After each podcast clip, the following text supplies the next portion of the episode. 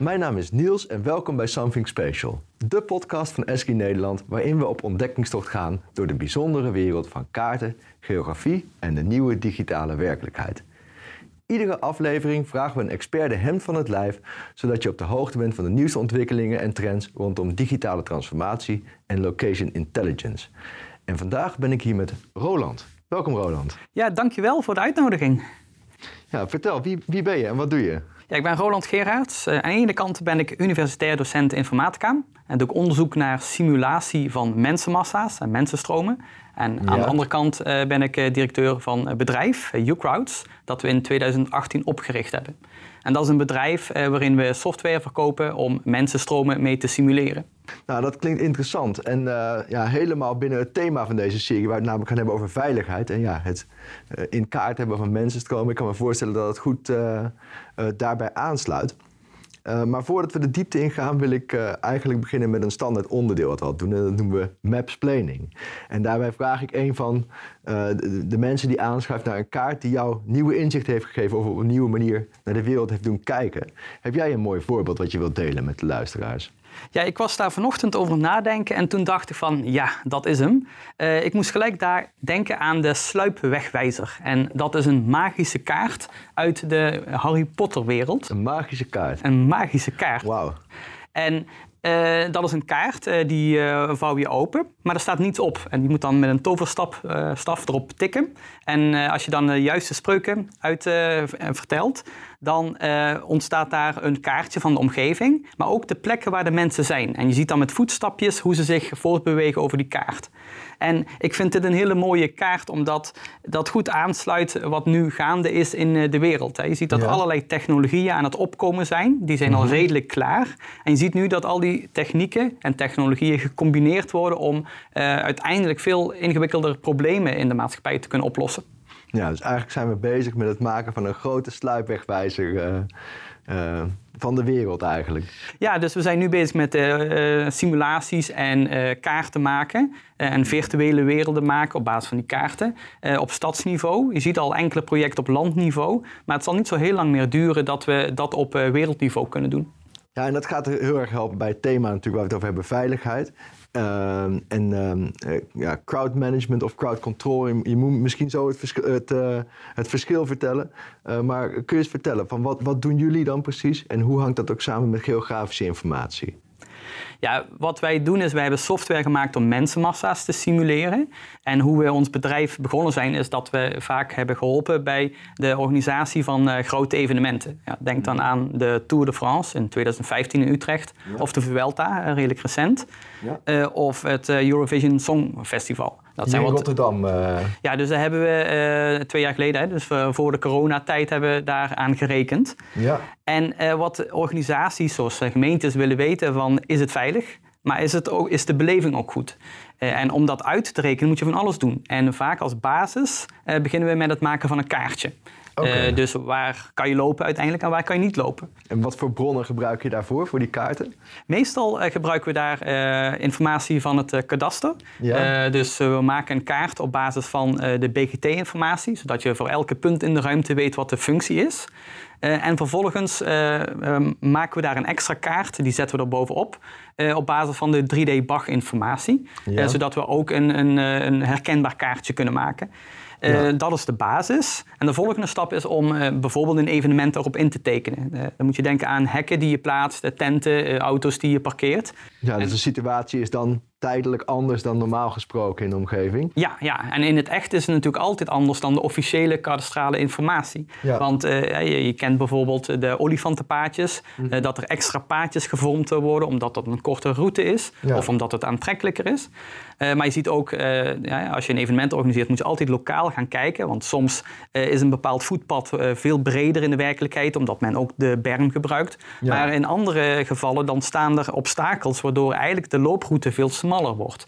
En dat zijn wel belangrijke dingen om mee te nemen in een simulatie. Ja, hoe ga je dat dan? Ga je dan er naartoe of gebruik je dan een soort street view-achtig? Uh, wat doe je in de praktijk dan? In de praktijk ga je er altijd heen. Ja. En je ziet nu ook een verschuiving plaatsvinden van het gebruik van dit soort uh, kadastrale data, die soms iets verouderd is of niet helemaal correct is, omdat de, de, ja, de ruimte soms anders gebruikt wordt dan uh, het officieel is. Ja. Dus je ziet ook dat er nu allerlei initiatieven ontplooid worden om ingescande data te gebruiken. Ja. En het voordeel daarvan is is dat het uh, veel meer lijkt op de werkelijkheid, maar dat het ook herkenbaarder is. Omdat je een soort plaatjes maakt van de gebouwen en die kan je dan in een computer kan je die weergeven. Ja, dus eigenlijk ga je steeds realistischer data gebruiken, zowel visueel als ook geometrisch, van, uh, waardoor je eigenlijk steeds meer met zekerheid kan zeggen van dit is gebied waar mensen kunnen lopen en dat is het gebied waar mensen niet kunnen lopen. Ja, dat klopt. Ja, ja, je wilt uh, de simulatie steeds realistischer uh, kunnen opzetten.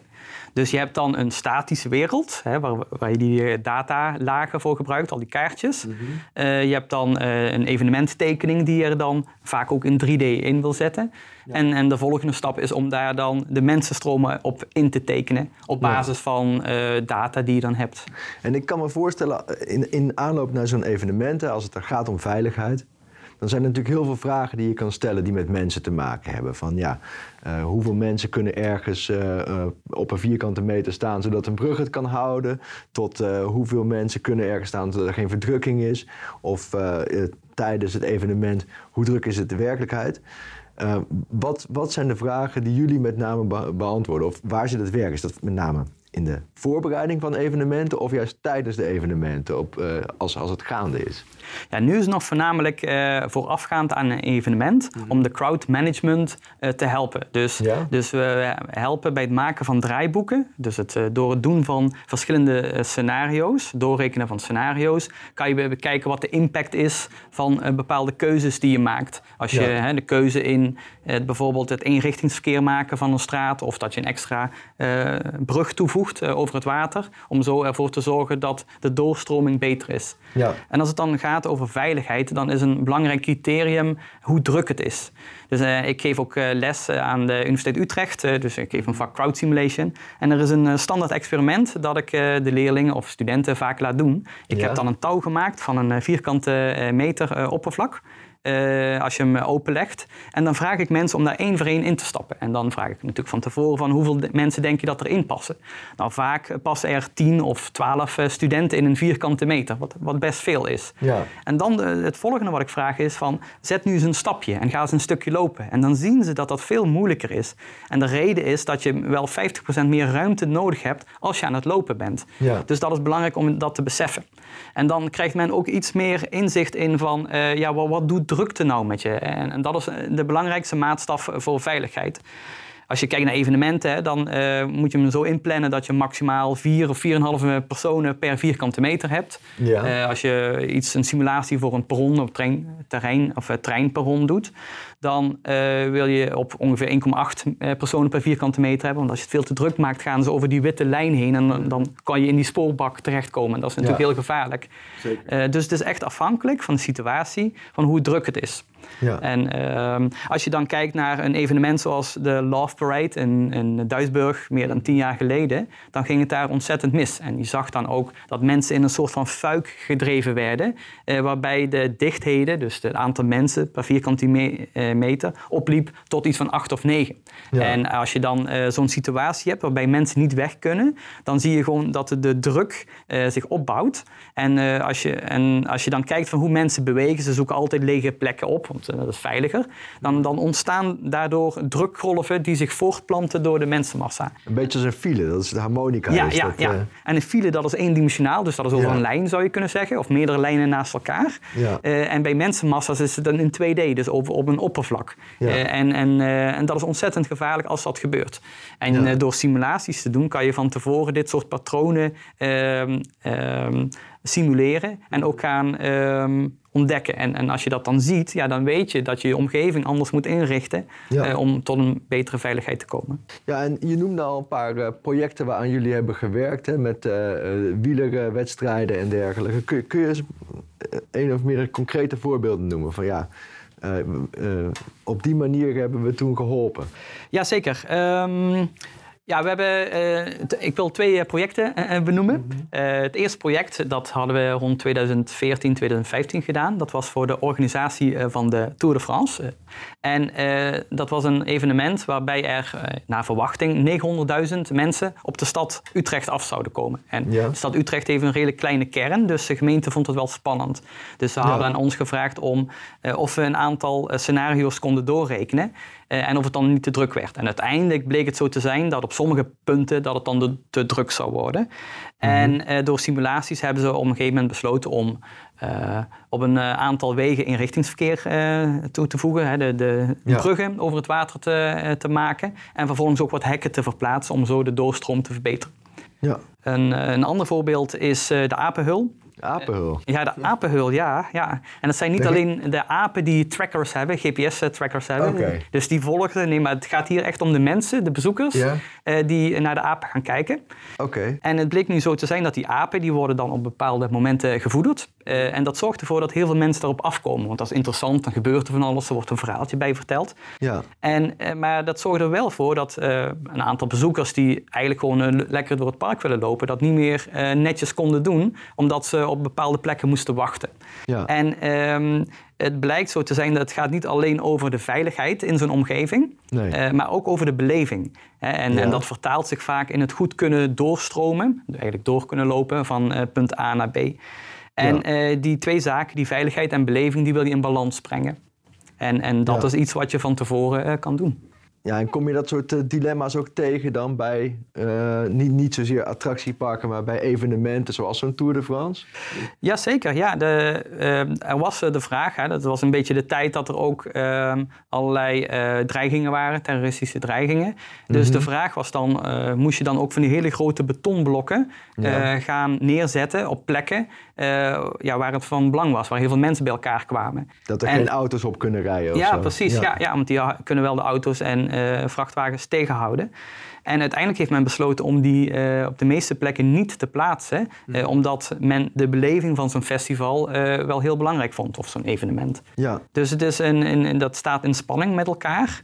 Uh, maar soms kiest men ervoor om uh, ja, de veiligheid iets minder te hebben, maar dan wel meer voor de beleving te gaan. Want uiteindelijk wil je toch een feestje neerzetten. Ja, en misschien veiligheid is natuurlijk iets wat, wat je fysiek kan hebben, maar je kan ook, eh, het is ook iets mentaals. Hè? Van als je overal blokken en beveiliging ziet staan, misschien voel je je wel veel minder veilig dan. Ja, zeker. En dan ga je misschien ook op andere dingen letten. En misschien worden mensen ook wel getriggerd om uh, over te gaan tot bepaald gedrag. Dus ja. dat heeft allemaal wel met elkaar te maken. Ja, ik kan me voorstellen dat in, in, in al die evenementen en, en, ook bij die, uh, die parken, dat, uh, dat veiligheid, dat is iets wat onderdeel is van een proces waarin heel veel partijen bezig zijn. Hè? Dus uh, neem bijvoorbeeld zo'n zo'n songfestival, dan heb je de, de locatie, je hebt de organisator en dan heb je de gemeente en, en, en de politie en jullie.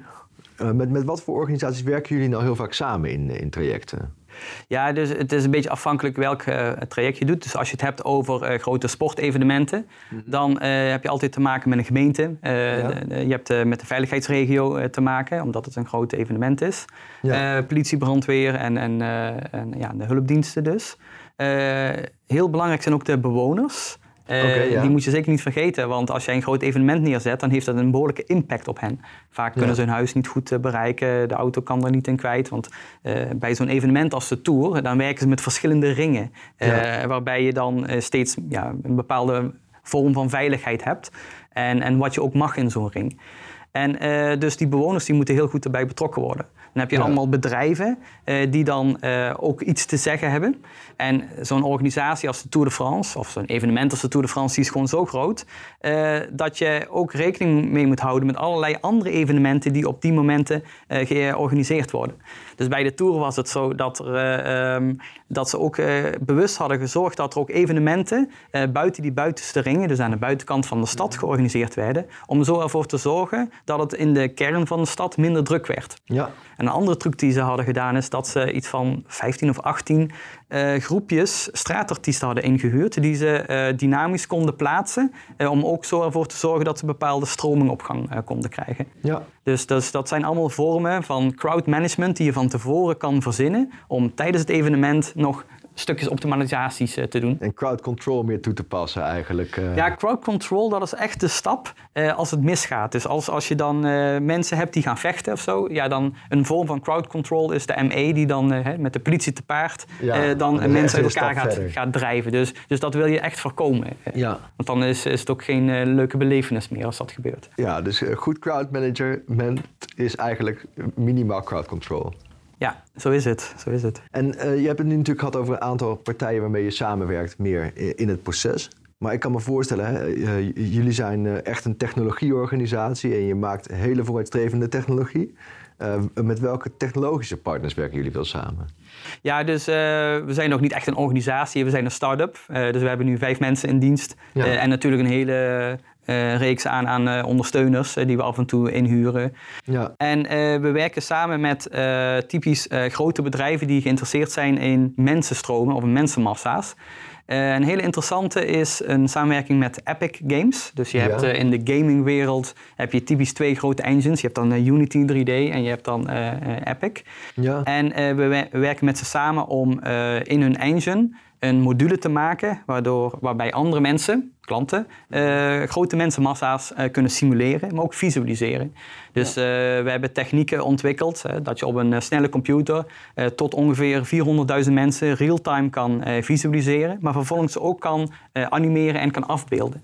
en, dus dat is een project wat we met Epic Games doen. En dat is dan binnen de Unreal Engine? Ja, dat is binnen de Unreal Engine. Dus we hebben een plugin gemaakt voor versie 4 en nu ook versie 5. Kijk, ja, wij toevallig ook, dus misschien kunnen die mooi samenkomen daarin. Uh. Ja, zeker. We gaan straks even zitten. Ja. en, en, en waar zeg maar, gaat het naartoe als je, als je samenwerkt met, uh, met die organisaties zoals uh, Amazon of, of ook Epic? Ja, waar zie je het naartoe gaan? Ja, dus, dus een, inderdaad een andere technologiepartner is Amazon Web Services, AWS. En met hen maken we een product voor een marketplace om schaalbare simulaties in de cloud te kunnen opzetten. Dus we kunnen nu ongeveer 1 miljoen mensen in real-time in de cloud simuleren. Uh, en dan kan je zeggen van nou ik wil van uh, dat gebiedje, die vierkant kilometer bijvoorbeeld, wil ik alle data binnenkrijgen. Nou die kunnen we dan weer in Unreal importeren. En dat kunnen we dan weer in real-time kunnen we dat visualiseren. Dus we kunnen typisch iets van 100.000 mensen real-time ehm, voor, ook voor eh, VR-toepassingen, virtual reality toepassingen, kunnen we ze dan visualiseren. En dan heb je vaak een hele hoge verversingssnelheid nodig. en we kunnen dat dan met 120 fps, in gaming termen, kunnen we dat dan afbeelden. En waarom is het zo belangrijk om dat real-time te doen? Ja, je ziet uh, de, de, dat er een aantal uh, technologieën uh, gecombineerd worden. Mm. en dat wordt bijvoorbeeld gebruikt voor trainingsdoeleinden in, in grote werelden. Dus we, we hebben een, een project gedaan waarbij we een digitale tweeling van de stad Londen hebben gemaakt. Dus een omgeving van 1500 vierkante kilometer met realistische graphics, dus heel veel kaartlagen op elkaar gestapeld. En daarin hebben we 1 miljoen mensen gesimuleerd. En dat was een omgeving waarbij 300 uh, echte soldaten uh, een VR-bril op hadden. En dan vervolgens gingen trainen in zo'n omgeving. En aan training moet je denken uh, dat, ze, dat er een ramp is gebeurd. dat kan zijn een overstroming, een aardbeving. In dit geval de powerlines, dus de elektriciteitsmasten, die zijn omlaag gevallen. Dus daardoor moest een stadsdeel geëvacueerd worden. En dat was dan voor een, een, leger, die moesten dan gaan oefenen om zo'n hele groot stadsdeel te gaan evacueren. Ja. En als je dat zo realistisch mogelijk krijgt, en dan, dan zal je zien dat die trainingen ook beter verlopen. En gaat dat dan bijna richting videospellen toe? Ja, feitelijk is dit al een, een game die je speelt. Uh, waarbij er allerlei regels zijn. Er zijn allemaal wetten waar je aan moet houden. Er zijn bepaalde doelen. Uh, als je het hebt over spellen, ja, een spel is pas een spel als er allerlei uh, korte en lange termijn doelen typisch zijn. Mm vaak als je een spel maakt en je wilt het leuk maken om te spelen, want dat is toch vaak het belangrijkste van het spelen, dan wil je ervoor zorgen dat er meerdere strategieën zijn om tot een bepaald doel te komen.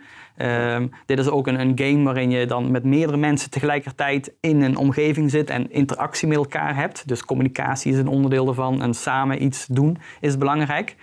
En, uh, dus, dus dat zijn wat onderdelen van, uh, van het spel. Dus uh, eigenlijk zijn we gewoon een heel groot spel aan het maken. Je zou kunnen zeggen, het is de metaverse die we aan het mede creëren zijn. Ja. ja, een term die we veel horen hè, de laatste tijd, de metaverse. Ja, is een buzzword natuurlijk. Ja, en waar gaat dat naartoe? Ja, waar gaat het naartoe? Ja, uiteindelijk, kijk, wat we nu kunnen is, is een, een eh, stad eh, simuleren. Uh, maar uiteindelijk willen we de hele wereld kunnen simuleren met niet alleen maar voetgangers, mm. maar met verkeer erin, allerlei economische processen. Uh, ja. uh, en, en ja, dat al ten dienste van de mensheid. Dus ja, ja. En, en, we zien dat de technologieën ook rijp genoeg zijn om vervolgens gecombineerd te worden tot dit soort oplossingen. En daar zitten we middenin. Heel ja, spannend. En, en, en, en, hoe is dan die connectie tussen de de werkelijke wereld en de simulatiewereld, zie je dan een verbinding tussen die twee? Als je bijvoorbeeld naar verkeersstromen kijkt. Ja, dus eh, kijk, eh, als je kijkt naar de verkeersstromen, dat is een, een, tak van sporten die al sinds de jaren 20 van de vorige eeuw begonnen zijn. Dus dat is al best wel lang. En je ziet dat ze daar ontzettend ver zijn, want ze hebben modellen gemaakt die gevalideerd zijn en die gewoon goed werken. Uh, we zien nog wel, uh, om dat op te schalen naar een hele stad of, of naar een heel land of zelfs de wereld, ja, dat, dat kan nog niet. Nee. Uh, maar er wordt aan gewerkt. als je dan kijkt naar simulatie van mensenmassa's, ja, die stappen, sommige stappen moeten nog gezet worden, dus dat je nog verder kan opschalen. En ja, het is nu de truc om al die technologieën, al die kaartlagen, al die uh, de, eigenlijk de gamingwereld, de giswereld en de katwereld uh, te combineren. En, en dat zijn dingen die we bijvoorbeeld nu in een field lab in Nijmegen eh, aan het doen zijn. Zeker, ja, dat is... Dat zullen we in de show notes ook wel delen, wat informatie daarover. Want dat is inderdaad een project waarvan we elkaar ook kennen. Hè? Dat we in Nijmegen samenwerken met ja, allerlei organisaties om daar de evenementen veiliger te maken en, en beter voor te bereiden. Um, ik ben wel benieuwd. Hè? Stel je voor dat, uh, dat mensen uh, denken van nou, dat crowd management, dat vind ik wel heel interessant en ik wil hiermee aan de slag, ik wil hier meer over weten. Hoe kunnen ze, uh, wat, is, wat, wat is de eerste stap om meer te leren over wat jullie doen bijvoorbeeld? Ja, we hebben allerlei informatie op onze website gezet, uh, ucrowds.com. En de U, de U is dan de U, de U-C-R-O-W-D-S. Ja, en die zullen we ook toevoegen aan de notes. Ja, en daar is ook een formuliertje. Dus als jij met ons een gesprek wil of een webinar wil, hè, dan kunnen we kijken naar het, uh, het, probleem dat je hebt of de business case die je hebt. En dan kunnen we dan online doorspreken. We kunnen onze software laten zien dus we hebben bijvoorbeeld een softwarepakket gemaakt, dat heet SimCrowds. Ja. Uh, en dat is een pakket eh, waarmee je uh, vrij eenvoudig een uh, digitale tweeling kan maken van de geometrie van een omgeving. Ja. je kan met allerlei bouwblokjes kan je plaatsen, waardoor je mensenstromen kan modelleren. Ja. En in zo'n omgeving, alles is real-time, dus terwijl je aan het modelleren bent, bijvoorbeeld je zet een auto neer, je zet een hek neer, zie je direct wat dat doet met de mensenstromen. Oh, gaaf. En uh, dit is een product dat we binnen enkele weken gaan lanceren. Mm -hmm. En uh, mensen kunnen zich daarop inschrijven. En uh, je kan het voor 1 euro gebruiken. Okay. En dat is om het te testen. En, en, ja. dan, ja, en dan werken we met een pay-per-use model om dat vervolgens... ja, en daar leren jullie natuurlijk ook weer van als, als het meer gebruikt wordt. ja. ja. Ja, zo is dat. Ja. Nou, heel, heel gaaf. En ik denk ja, heel erg waardevol voor, voor de veiligheid van, van ons land. Um, voordat we afsluiten, wil ik nog naar een, een, laatste onderdeel wat we ook vast in de podcast hebben, namelijk een, een lees, kijk of luistertip. Heb jij nog een, een, een leuke of informatieve tip uh, voor mensen die gewoon het, ja, deze wereld interessant vinden? Um, die ze mee wil geven? Ja, dus uh, wij werken al een, uh, ongeveer drie kwart jaar samen met Epic Games. En uh, dat heeft me best wel geïnspireerd. En ze hebben onlangs een demo gemaakt, de Matrix demo. Mm -hmm. daar moet je maar eens op zoeken op internet, dat kan je makkelijk ja. vinden.